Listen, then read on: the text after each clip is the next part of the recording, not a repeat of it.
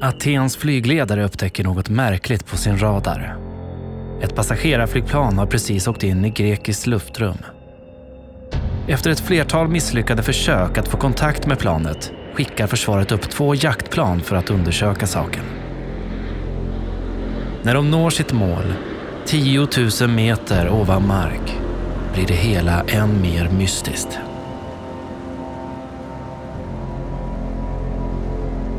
Stridspiloterna kan nu se hur andra piloten ligger ihopsjunken och förmodligen medvetslös över kontrollpanelen.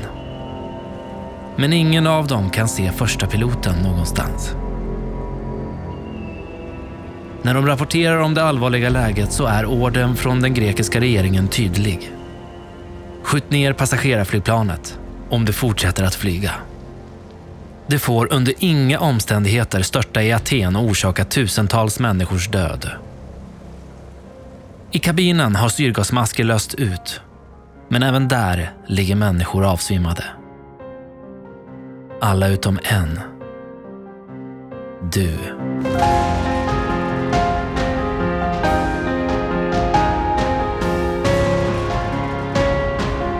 Om det var du, en podcast av Erik Mylund. Manus är baserad på faktiska och tidsenliga detaljer samt vittnesberättelser, men fiktiv i den bemärkelse att du själv blir huvudperson i en av historiens mest omskakande händelser. Syftet med detta sätt att berätta på är att komma nära det ofattbara och försöka sätta sig in i det mörker som våra medmänniskor har fått uppleva genom historien.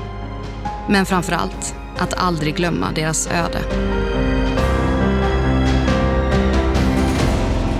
Manus av Josefin Måhlén och Erik Myrlund. Originalmusik och ljudläggning av Kristoffer Folin. Du ruskar bort svettdroppar från pannan och ser ut över Larnakas flygplats. Dagens pass har knappt börjat. Ändå är augustihettan kvav och får luften att nästan darra omkring dig. Cyperns högsommar är här och som kabinpersonal på Helios Airways tar arbetsdagarna aldrig slut. Du kliver på planet och hälsar på kaptenen och styrman som intagit sina platser i cockpit. För att sedan möta upp resten av kabinpersonalen som ska arbeta med dig ombord på flight 522 denna dag. Rutten bär till Prag, men först ska ni mellanlanda i Aten om knappt två timmar. Efter att de 115 passagerarna satt sig till rätta i de gråblå läderstolarna och spänt fast säkerhetsbältet så påbörjar ni er vanliga säkerhetsgenomgång. Ni berättar hur man sätter på sig flytvästen och att syrgasmasken ska sitta över både näsan och munnen. Med sin tyska brytning hälsar kaptenen alla resande välkomna och planet lyfter strax efter klockan nio. Din blick faller på en grupp av närmare 50 ungdomar. De är prydda i grönvita t-shirts med fotbollsklubben Omonia ACs logga på. Förväntansfulla och uppspelta pratar de om turneringen som väntar i Tjeckien. Du lutar dig tillbaka i ditt säte. Njuter av den goda stämningen och ungdomarnas skratt. Långt under er flockas turister vid solstolar som ligger uppradade längs vidsträckta stränder kantade med palmer och cypresser. De försvinner snart ur sikte och ett kristallblått hav brer ut sig under era fötter.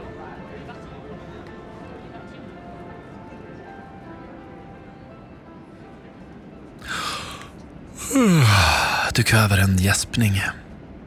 Morgonens generösa temperatur som redan drog iväg uppåt 30 grader har gjort dig trött. Ja, nästan lite dåsig. Fast det har gått flera minuter sedan den lyfte och i kabinen är det långt ifrån varmt. Snarare rätt kyligt faktiskt. Och det märks på passagerarna. Den pratglada stämningen har klingat av och folk kuttrar. Du reser dig och börjar gå mot kabinens telefon.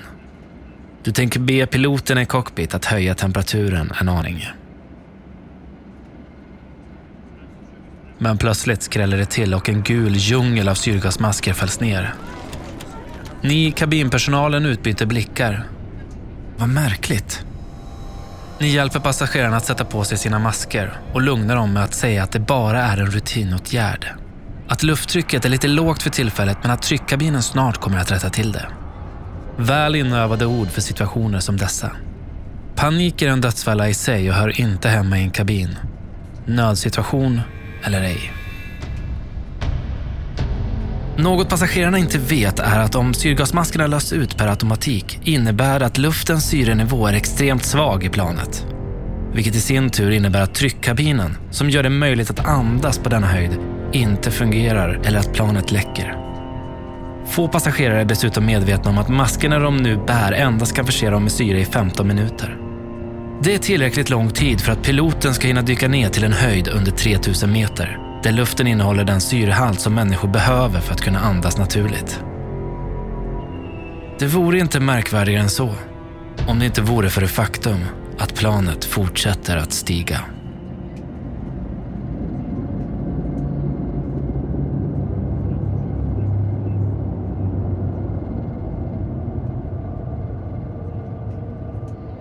Sedan 11 september-attackerna har säkerheten skärpts markant på flygplan. Och den förstärkta dörren till cockpit går endast att ta sig förbi ifall man har den fyrsiffriga koden. En kod som endast piloterna och kabinchefen vet om. I ögonvrån kan du se hur kabinchefen lägger på luren efter hennes misslyckade försök att nå piloterna. Borde hon inte öppna dörren till cockpit? Försäkra sig att de vet om att syrgasmaskerna fällts ner.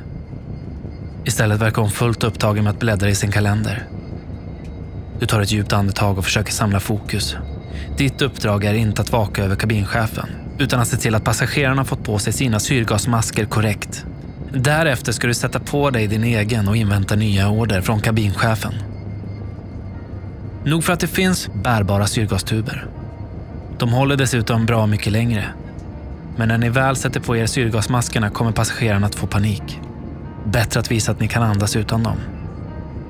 Du försöker hjälpa en liten pojke. Syrgasmasken är på tok för stor för hans lilla ansikte. Du lirkar med snöret, vill att masken ska sitta ordentligt.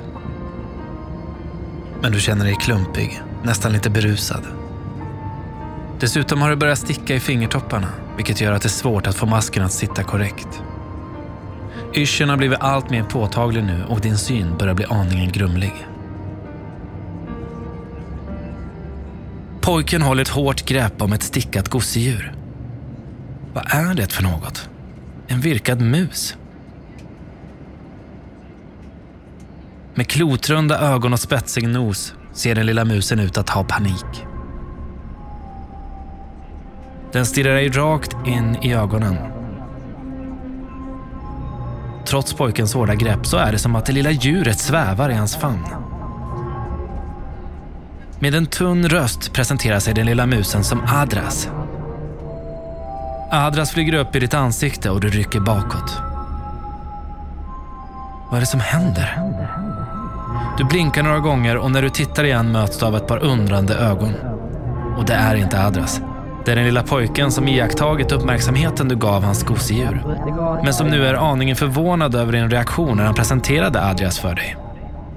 Du förstår vad som håller på att hända. Du håller på att få syrebrist. Allt snurrar runt dig och du hinner precis tillbaka till ditt säte för att få på dig masken innan det börjar mörkna för dina ögon. Det sista du hinner notera genom fönstret är moln.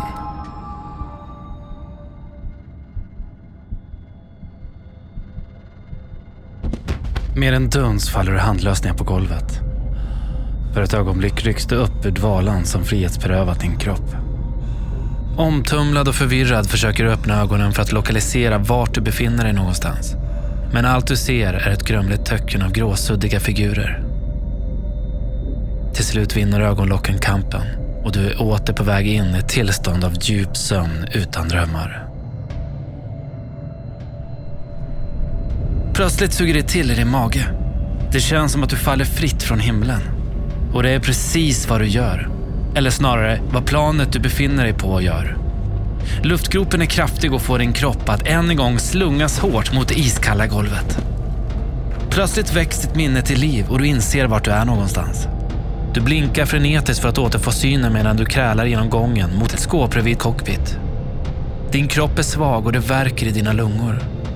Du har aldrig upplevt kyla bränna på det här viset förut. Du försöker febrilt att öppna luckan när du kommit fram. Till slut öppnas den och du finner det du söker. En av planets bärbara syrgastuber. Du för masken mot ditt ansikte och trycker hårt över näsa och mun. Du flimrar framför ögonen när du reser dig upp. Huvudvärken slår hårt mot tinningarna. Men synfältet har klarnat upp nu när hjärnan återfått sitt syre. Genom flygplanets fönster blottas en miniatyrvärld med små porösa moln ovanpå. Ni ligger på marshöjd, 10 000 meter. Här uppe brukar man inte kunna hålla medvetandet längre än 15-30 sekunder utan kabintryck. Man brukar säga att det är som att stå på toppen av Mount Everest. Dörren till cockpit är stängd och allt du kan höra är ett larm som tjuter där inifrån. Du rycker i dörrhandtaget. Ryckningarna blir till ett intensivt bankande och det intensiva bankandet till ett förtvivlat rop på hjälp. Men det är lönlöst. Andas. Fokusera nu. Du måste få tag i koden. Vart är kabinchefen? Du vänder dig om för att hitta henne. Det är då du ser en syn du aldrig trodde att du skulle få se och en ilande rysning far längs ryggraden. Över hundra människor sitter tysta, orörliga och nästan genomskinliga i sina säten. Flight 522 har förvandlats till ett spökplan. En del har fått på sig maskerna, men inte alla. De måste ha tappat medvetandet när syret i maskerna tog slut. Du finner kabinchefen avsvimmad mellan två säten längre bort. Utan någon mask ligger hon ledlös framför några passagerares fötter. Hon måste ha svimmat av när hon var i full gång med att hjälpa dem. Hon andas inte. Och du förstår att hon inte har gjort det på ett bra tag. Huden är kall och ansiktet vitt som ett lakan. Du förstår att hon är död.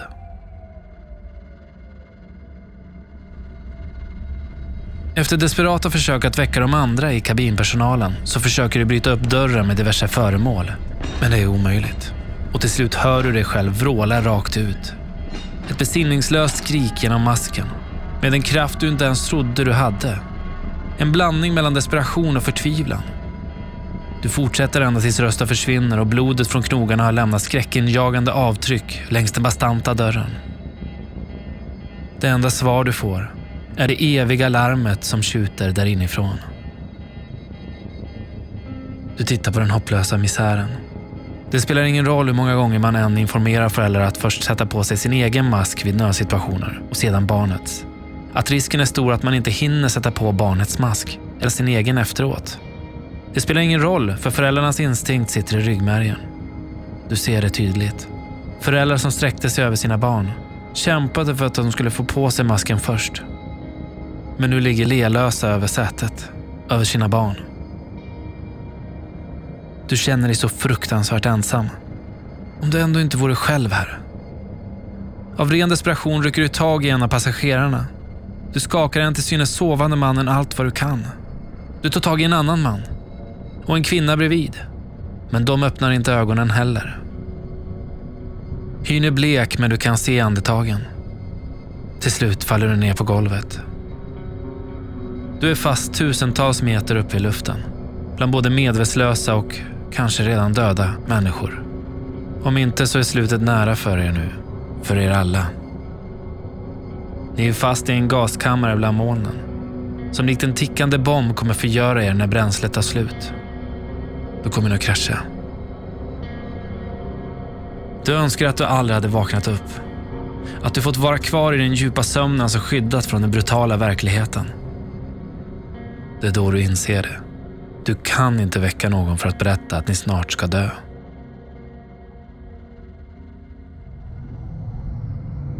Du rycker till. Kraftiga motorer sveper genom luften. Din blick faller mot fönstren där den möts av två jetplan. Adrenalinkicken i kroppen kickas igång. Kanske finns det hopp. Du måste göra någonting. Du kan inte lämna alla dessa barn och vuxna åt sitt öde. Du måste rädda dem. Du är den enda som kan rädda dem. I flera minuter försöker du få upp dörren till cockpit via våld, men ingenting verkar fungera. Du går längs gången, vet inte vad du ska ta dig till. Sakta känner du hoppet tvina. Plötsligt trampar du på något som ligger slängt på golvet. Det är den lilla pojkens gosedjur. Den ligger på rygg vid sidan av gången och tittar förskräckt upp på dig. En bit ovanför ser du en liten hand. Det är som att handen försökt greppa det lilla djuret men inte kunnat. Pojken hänger ner över sätet och du inser att du aldrig lyckades få på honom syrgasmasken ordentligt. Du vet inte varför, men du lyfter pojken och sätter honom i vad du förmodar är hans mammas famn. När du placerar gosedjuret under pojkens arm ser du något sticka upp ur mammas handväska. En kalender. Plötsligt slås du av en tanke. Kan det vara möjligt? Jo, kanske. Du springer bort till kabinchefen och letar i hennes fickor. I kavajens innerficka finner du en liten almanacka. Du bläddrar fram till dagens datum, 14 augusti 2005. Och mycket riktigt står det tider och information om dagens arbetspass samt fyra siffror efteråt. 2914. Du reser dig upp och springer mot cockpit. Du klickar in dörrkoden med darriga händer. Dörren glider upp utan minsta ljud. Innanför ligger kaptenens livlösa kropp på golvet. Han är kraftigt nedkyld och trots att han andas är han omöjlig att väcka. Styrman sitter i sitt säte men överkroppen ligger över kontrollpanelen. Efter ett flertal misslyckade försök att väcka honom sätter du dig i förarsätet. Framför dig finns hundratals olika knappar och du försöker anropa radion utan resultat. Du försöker igen. Kom igen, det måste gå. Om du bara kunde komma i kontakt med någon som kan hjälpa dig att landa. Men du får ingen kontakt. Du viftar med armarna till jetflyget som lagt sig på sidan om planet. Du klickar på alla knappar du kan. Till slut lyckas du stänga av autopilot och lyckas sänka planet i höjd. Nu måste du bara...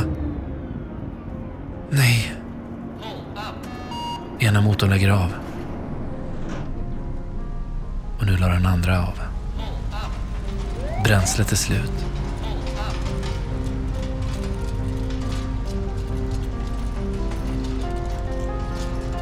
För varje sekund växer miniatyrvärlden nedanför. Solen skiner över de färgstarka öarna där nere. Berget lägger en skugga över klipporna och havet runt om lyser likt blågrön ädelsten. Planet glider in över land och du kan nu tydligt se både fönster och dörrar på de små vita husen. Längre fram ser du den plats där din resa snart kommer att ta slut.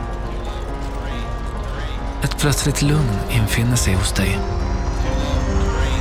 Du tar ett djupt andetag och sluter dina ögon.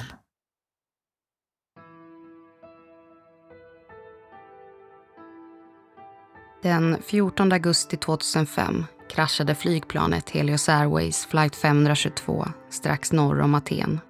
Innan planet lyfte från Sypen blev det undersökt av en mekaniker nere på marken. När undersökningen var klar glömde han att vrida tillbaka lufttrycksknappen från manuellt läge till automatiskt läge. Även piloterna missade att kontrollera att tryckkabinen var ställd i rätt läge när de gick igenom sin checklista innan start. Syrenivån sjönk hastigt när planet steg i höjd och man tror att det gjorde piloterna både förvirrade och oförmögna att ta logiska beslut. När piloterna tappade medvetandet fortsatte planets autopilot mot Aten. Efter att jaktplanen skickades upp tog en av stridspiloterna en bild av en man som på något vis hade lyckats ta sig in i cockpit. Det är den 25-åriga flygvärden Andreas Prodromos som jobbade ombord med sin flickvän Trots Andreas desperata försök att få kontakt via radion och ta kontroll över planet så lyckades han inte rädda det. När bränslet tog slut och motorerna stannade kraschade planet in i en bergvägg. Ombord fanns 115 passagerare och sex besättningsmän och alla omkom omedelbart i vad som skulle bli en av Greklands värsta flygolyckor genom tiderna. Och man vet väldigt lite om vad som hände inne i flygplanet Förutom att 48 ungdomar från fotbollsklubben Omonia AC befann sig på planet så är alla beskrivningar och skildringar av kabinpersonal och passagerare påhittade i avsnittet. Pojken med gosedjuret, kabinchefen som hittades livlös och hur man lyckades få fram koden till cockpit är helt fiktiva delar för att binda ihop berättelsen. Källor för avsnittet är bland annat Aftonbladets artiklar om olyckan, dokumentären Air Crush Unsold, Expressen samt Haverikommissionens rapport om olyckan.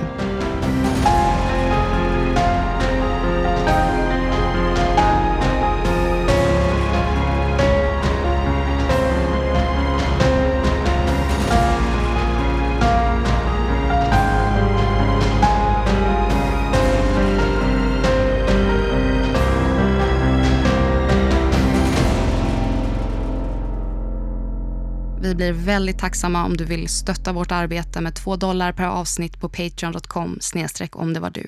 Eller om ditt företag vill köpa annonsering så kontakta Nent.